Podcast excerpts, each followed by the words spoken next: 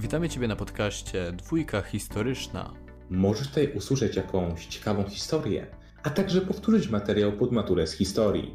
Przy okazji, jeśli nasz podcast Ci się spodoba, to nie zapomnij polecić nas swoim znajomym. Przypominamy również, iż posiadamy Patronite, na którym możecie nas wspierać. Posiadamy również podcast Dwójka Polityczna, na którym niebawem pojawi się powtórka do matury z WOS-u. Przy mikrofonie Bartłomiej Szponar I Jan Anyszewski.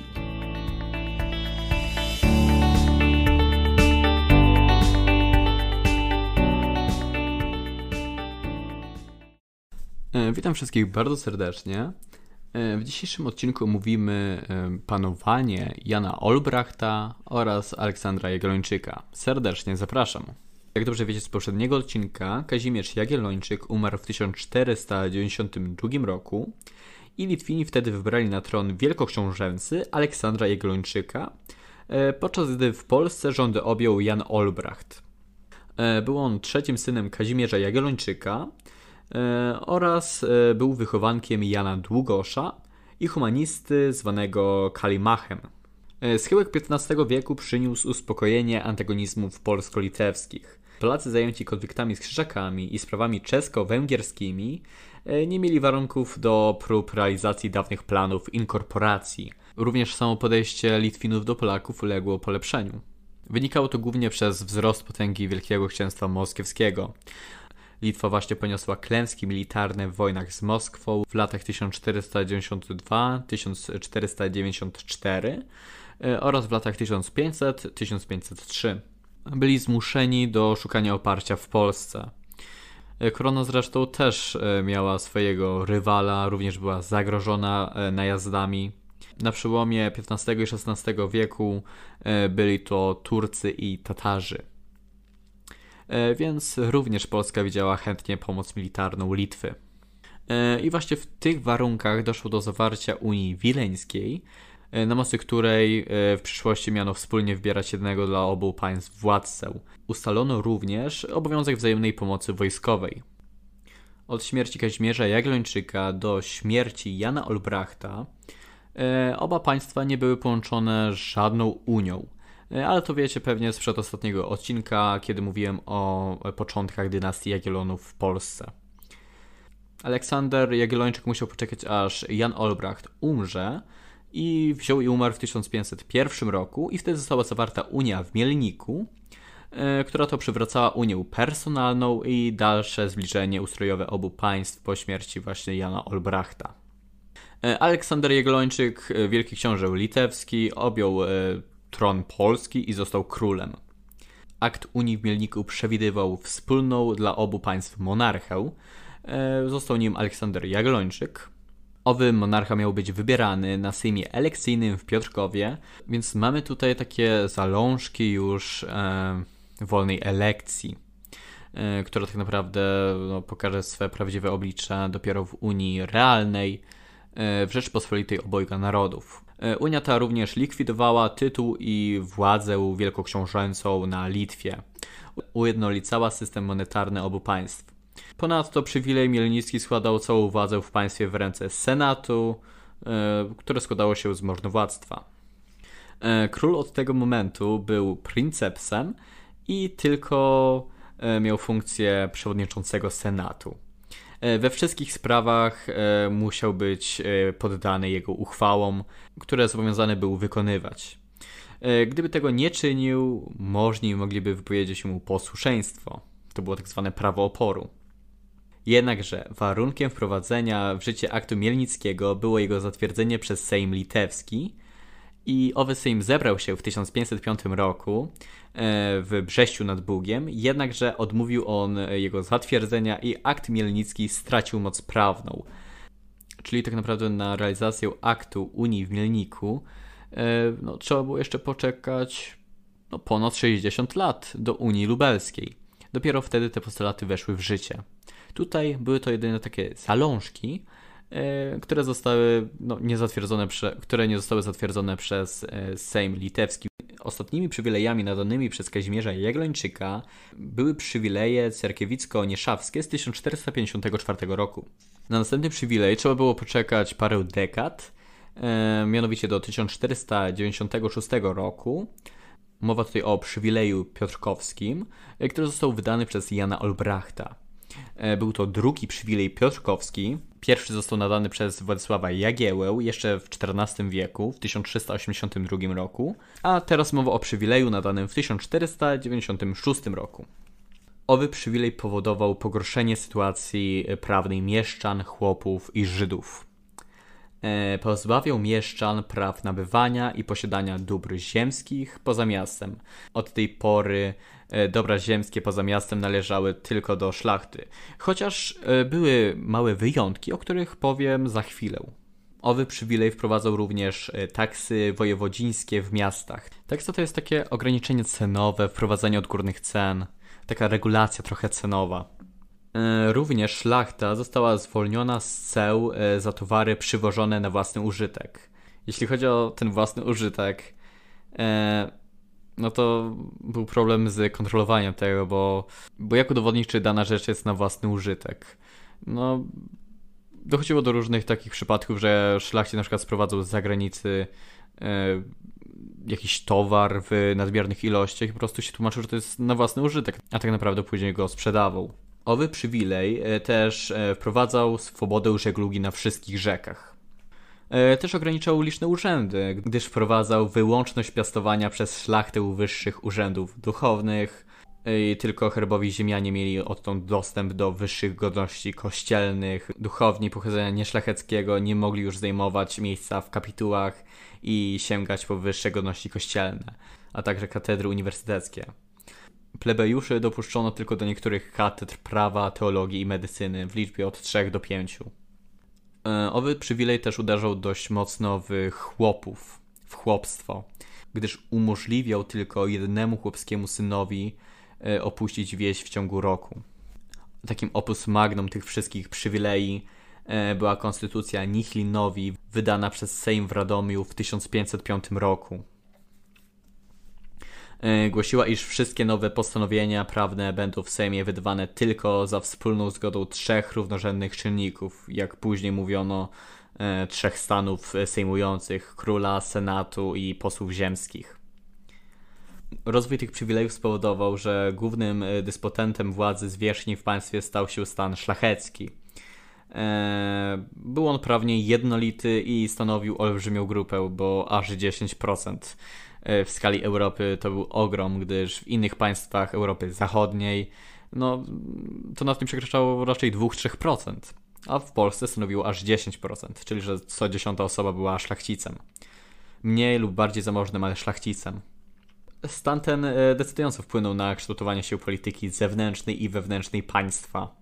Ukształtowało to tak naprawdę Rzeczypospolitą szlachecką. Rozwój przywilejów doprowadził również do tego, że tylko stan szlachecki uzyskał prawo do elekcji króla, e, uzyskał prawo do wybierania posłów na sejmik i sejm walny. E, mieszczanie wielkich miast, o których no wkrótce opowiem, bo to też się odnosiło na przykład do tego przywileju piotrkowskiego i do zakazu posiadania dóbr ziemskich poza granicami miasta. No oni mieli tam, że tak powiem, lekkie udogodnienia i było tam parę miast, o których no wkrótce wspomnę, e, że nie mieli swoje przedstawicielstwo w Sejmie Walnym. Szlachta miała również na wyłączność prawo do sprawowania urzędów i godności państwowych oraz kościelnych, nietykalność osobistą i majątkową, e, różne ulgi podatkowe i celne, e, obciążenie chłopów pańszczyzną, jurysdykcję pod poddanymi i ograniczenie ich wolności tak naprawdę. W 1491 roku po śmierci Macieja Korwina on zmarł w 1490 roku. E, rozpoczęła się rywalizacja o tron węgierski między królem Czech Władysławem Jagiellończykiem, e, popieranym przez magnatów węgierskich, a jego młodszym bratem Janem Olbrachtem, który był, no, który będzie wkrótce, bo no, rok później, w 1492 roku, królem polskim. Jan Olbracht był popierany przez szlachtę. Rywalizację wygrał Władysław, E, który poślubił wdowę po Macieju Korwinie i koronował się na króla Węgier, no też w 1491 roku. E, pod koniec XV wieku w rękach Jagiellonów znalazły się cztery korony. Władysław był królem Węgier i Czech, Jan Olbracht objął rządy w Polsce, Aleksander na Litwie i dawało to Jagiellonom władztwo nad największym w Europie terytorium. Rządy osobiste Jagiellonów ważyły na Europy przez dwa stulecia tak naprawdę. W Polsce od schyłku XV wieku E, zaczęto zwoływać zjazd ogólnopaństwowy, będący reprezentacją stanową, określaną jako Sejm Walny lub Wielki. E, uczestniczyli w nim przedstawiciele szlachty i duchowieństwa. E, w Senacie znajdowali się arcybiskupi i biskupi rzymskokatolicy. Mieszczanie też brali w tym udział, ale tylko jako mm, tacy przedstawiciele tych największych miast i posiadali jedynie e, głos doradczy w sprawach dotyczących miast i mieszczaństwa. Nie mogli się wypowiadać na tematy związane z państwem jako no, całą koroną polską. E, w tym czasie prawnoustrojowym wyrazem monarchii stanowej stała się korona Królestwa Polskiego. E, korona była tworem abstrakcyjnym tak naprawdę. To była taka abstrakcyjna doktryna. Stawała się ona ucieleśnieniem państwa i jego praw niezależnych od osoby króla. E, władca obejmował tron i wtedy stawał się posiadaczem korony. E, jednak państwo nie było już jego własnością. Należało przez cały czas do korony. E, w tym sensie monarchia stanowa była antytezą monarchii patrymonialnej no, z poprzednich lat, z poprzednich wieków w sumie. Gdyż no, państwo nie było własnością króla, tylko korony. A król tą koronę tylko tak dzierżawił, kiedy no, obejmował ten tron. To była całkowicie abstrakcyjna doktryna. Ale myślę, że jest to mniej więcej zrozumiałe, e, o co w tym wszystkim chodziło. E, monarchia stanowa e, powstała w wyniku nadawania tych różnych przywilejów i zwiększania się wpływów szlachty, możnowładztwa, co się wiązało z osłabieniem władzy królewskiej oraz wzmocnieniem roli politycznej i gospodarczej stanu szlacheckiego. Najbardziej na tym tak naprawdę nie ucierpiał król, tylko mieszczaństwo, mieszczaństwo, mieszczaństwo i chłopstwo tak naprawdę. Gdyż szlachta zaczęła ograniczać mieszczaństwo.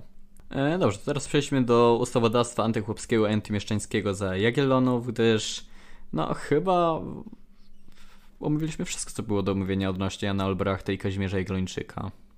E, prawne osłabienie pozycji chłopów i mieszczaństwa wynikało głównie ze wzrostu znaczenia szlachty w życiu gospodarczym i politycznym państwa. Szlachta dążyła do ograniczenia gospodarczej i politycznej roli mieszczaństwa e, oraz e, ekonomicznej pozycji chłopów. Jagiellonowie mieli takie coś do siebie, że oni mm, praktykowali pozyskiwanie poparcia szlachty poprzez nadawanie im e, różnych przywilejów, o których no, już dużo mówiłem i w tym i w, po, w poprzednich odcinkach. Mm, teraz spróbuję podzielić e, te wszystkie przywileje na antychłopskie i antymieszczańskie. E, jeżeli chodzi o ustawodawstwo antychłopskie, to pierwszym takim e, przywilejem był przywilej warski z 1423 roku, nazywany również statutem warskim. Przepisy tam zawarte regulowały zasady opuszczenia wsi przez kmieci. Dawał on ponadto szlachcicowi jako właścicielowi wsi lokowanej na prawie niemieckim prawo do przymusowego wykupienia ziem od nieużytecznego lub krnumnego sołtysa. I właśnie wtedy szlachta zaczęła monopolizować e, te posiadłości ziemskie, posiadłości wiejskie. Następnie pojawił się przywilej Piotrkowski z 1496 roku, e, drugi Piotrkowski, gdyż pierwszy został nadany przez Władysława Jagiełę, a drugi został nadany przez Jana Olbrachta. I on ograniczał częste dotąd wysyłanie dzieci chłopskich do miast na służbę, naukę, lub po prostu do rzemiosła. Odtąd tylko jeden syn w rodzinie chłopskiej mógł wyjść ze wsi, to znaczy porzucić chłopski stan. Jego bracia zaś zostali przywiązani do ojcowskiej ziemi. E, ograniczono prawo opuszczania ziemi przez włościan. Odtąd też tylko jeden chłop w ciągu roku mógł odejść ze wsi. E, następne konstytucje z lat 1501-1543 w ogóle zakazały chłopom wychodu bez zezwolenia pana.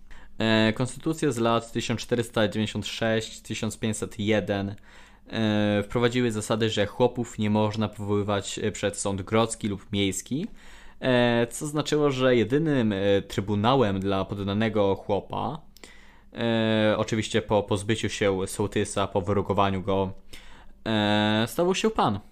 W 1518 roku król całkowicie zrzekł się jurysdykcji wobec chłopów i no, to co oznaczało tak naprawdę pełną władzę sądowniczą szlachty nad chłopami. Szlachcic tak naprawdę od teraz był panem życia i śmierci chłopa. I od szlachcica zależało wszystko. E, następnie statuty toruńsko-bydgoskie z 1520 roku e, zarządziły minimalny wymiar pańszczyzny wysokości jednego dnia w tygodniu złana. E, w ten sposób pańszczyzna została wprowadzona jako obowiązek we wszystkich wsiach. E, jeśli chodzi o ustawodawstwo antymieszczańskie, e, to pierwszym takim aktem były statuty nieszawskie z 1454 roku, co raczej wiecie z odcinka o Kazimierzu Jagiellończyku. Statuty te głosiły, iż sprawy o zabicie lub zranienie szlachcica przez mieszczanina miały podlegać odtąd nie miejskim, ale szlacheckim sądom ziemskim. Było to sprzeczne z przywilejami wielu miast, m.in. Krakowa. E, następnie Sejm w Korczynie w 1456 roku odebrał miasto prawo głosu w sprawie nakładania na nie podatków. Od tego momentu zaczęło się nakładanie podatków na mieszczan bez ich zgody. E, wyjątkiem tutaj były Prusy, e, gdyż tam utrzymała się trochę inna praktyka. To wynikało z tego, że, że Prusy jako taka prowincja, jako taka ziemia, no, były dość zamożne. I tam mieszczanie mieli zdecydowanie większą siłę polityczną i tam by to po prostu nie przeszło. Następnie przywilej Piotrkowski z 1496 roku. Tak, znowu mowa o tym drugim przywileju Piotrkowskim z 1996 roku, nadanego przez Olbrachta. E, on również ograniczał mieszczan. E, pozbawił on mieszczan prawa nabywania i posiadania dóbr ziemskich poza miastem. I właśnie od tej pory to był wyłącznie przywilej szlachecki. W 1453 roku w ogóle nakazano mieszczanom posiadane e, dobra sprzedać jedynie pięć y, wielkich miast, wielkich nowoczesne czasy y, otrzymało pewne przywileje i mogli posiadać y, owe ziemie poza miastem. Mowa tutaj o Krakowie, Wilnie, Lwowie, Kamieńcu Podolskim i Lublinie. Również wprowadzono taksy wojewodzińskie w miastach, czyli że, tak jak już mówiłem to wcześniej, były to zasady ustalania cen na towary miejskie przez wojewodów przy udziale starostów. E, chodziło tutaj o obniżenie cen na towary miejskie. E, zwolnienie szlachty z ceł za towary przywożone na własny użytek hamowały rozwój produkcji krajowej, doprowadzając do upadku niektórych gałęzi krajowego rzemiosła, bo było po prostu taniej. E, również wprowadzono wyłączność piastowania przez szlachtę wyższych urzędów duchowych. Teraz to co powiem nie wiąże się ani z Janem Olbrachtem, ani z Kazimierzem Jagończykiem, tylko już bardziej z czasami zygmuntowskimi. E, ale warto o tym wspomnieć, e, gdyż to też się wiąże właśnie z przywilejami. E, w 1565 roku wprowadzono przez Sejm zakaz wyjazdu kupców polskich za granicę, co sprzyjało opanowaniu handlu wozowego i wywozowego przez obcych. Ale ten zakaz był taki trochę dziurawy, gdyż nie był zbytnio przestrzegany. E, w XVI wieku przyjęto zasadę, że szlachcic sprawujący urząd miejski lub zajmujący się handlem czy rzemiosłem tracił szlachectwo. No, czyli że taka trochę dyskryminacja i takie coraz bardziej odcinanie się mieszczaństwa od szlachectwa. E, również w XVI wieku e, w miastach królewskich wprowadzono nadzór nad władzami miejskimi oraz prawo kontroli finansowej przekazano starostom. Decydowali oni nierzadko w praktyce o obsadzie władz miejskich. E, tutaj też jest właśnie takie no, zmniejszenie wpływów mieszczeń, zwiększenie szlachty. Mieszczaństwo również e, nie miało swojej reprezentacji w Sejmie. E, wyjątkami byli tutaj posłowie zwani ablegatami właśnie z tych miast, których nie objął zakaz posiadania ziemi poza miastem. Mowa tutaj właśnie o tym Krakowie, Wilnie, Lwowie, Kamieńcu Podolskim i Lublinie. E, mogli oni asystować na obradach, ale nie mieli prawa głosu. Mocą specjalnej konstytucji szlachta postanowiła, że ci ablegaci mają prawo głosu jedynie w sprawach miejskich. W tym samym czasie zaczęły się rozwijać folwarki szlacheckie w Polsce, to było w XV i XVI wieku. Wynikało to głównie dlatego, że był kryzys ekonomiczny, y, który dotknął szlachtę żyjącą e, z czynszów chłopskich. Owe czynsze miały stałą wartość, zaś inflacja, która wynikała z kryzysu ówczesnego, spowodowała, iż e, ich realna wartość drastycznie się obniżyła. E, stąd była potrzeba zdobycia nowych dochodów, głównie przez samodzielne zajęcie się przez szlachty organizacją opłacalnej produkcji zboża. Wtedy właśnie zaczęto odchodzić od czynszu, który był stały, na rzecz pańszczyzny. Wtedy też był wzrost zapotrzebowania na produkty rolne w Europie Zachodniej. E, wynikało to głównie dlatego, że e, jest to okres odkryć geograficznych, i owi podróżnicy musieli na swoje statki ładować odpowiednie towary, żeby przetrwać, bo no jednak podróże trwały miesiącami. Również wtedy był wzrost cen na produkty rolne, była tak zwana rewolucja cen i po prostu zwiększyła się dochodowość produkcji. Również po zdobyciu Pomorza Gdańskiego i portu w Gdańsku po wojnie 13-letniej zostały otwarte nowe szlaki handlowe.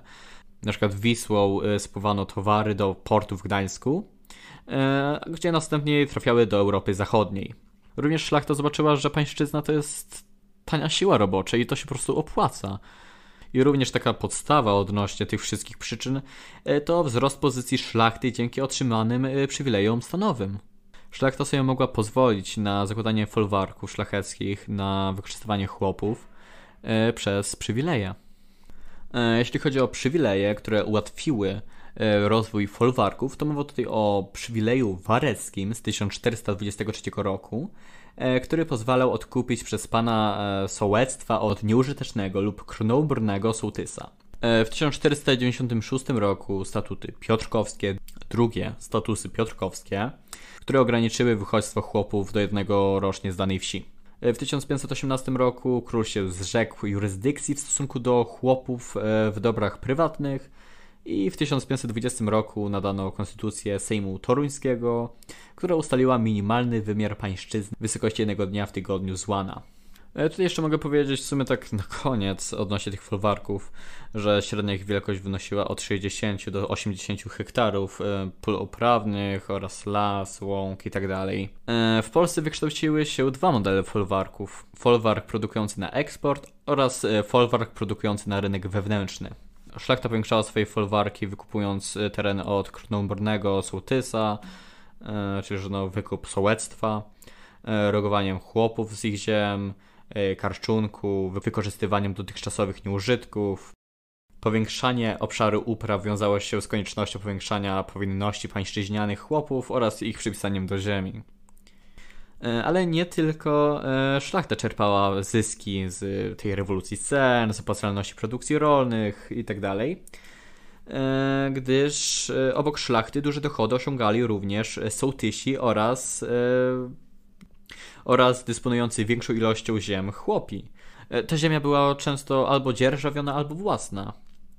E, obok nich również byli chłopi małorolni i bezrolni, e, którzy pełnili funkcję np. komornika albo zagrodnicy i oni zdobywali środki do życia dorabiając pracą najemną oraz rzemiosłem wiejskim. Również ten czas oraz XVI-XVII wiek to okres, kiedy powstawały wielkie rody magnackie, e, które tworzyły olbrzymie państwo w państwie, bo były przypadki, że e, owi magnaci prowadzili własną politykę e, zagraniczną kosztem zagarniania królewszczyzn. No i chyba tyle w tym odcinku. Dużo rzeczy się powtarzało, tak naprawdę ten odcinek bardziej był wokół przywilejów i ogólnie prawa szlacheckiego, wykorzystywaniu chłopów i mieszczan niż niż Jana Lubrachta i Aleksandra e, Jaglończyka. No ale to tyle. No. Dziękuję za uwagę. Dziękujemy za wysłuchanie podcastu. Ponownie zachęcamy do jego udostępnienia i wsparcia nas w serwisie Patronite, gdyż każde wsparcie wiele dla nas znaczy. Cześć czołem!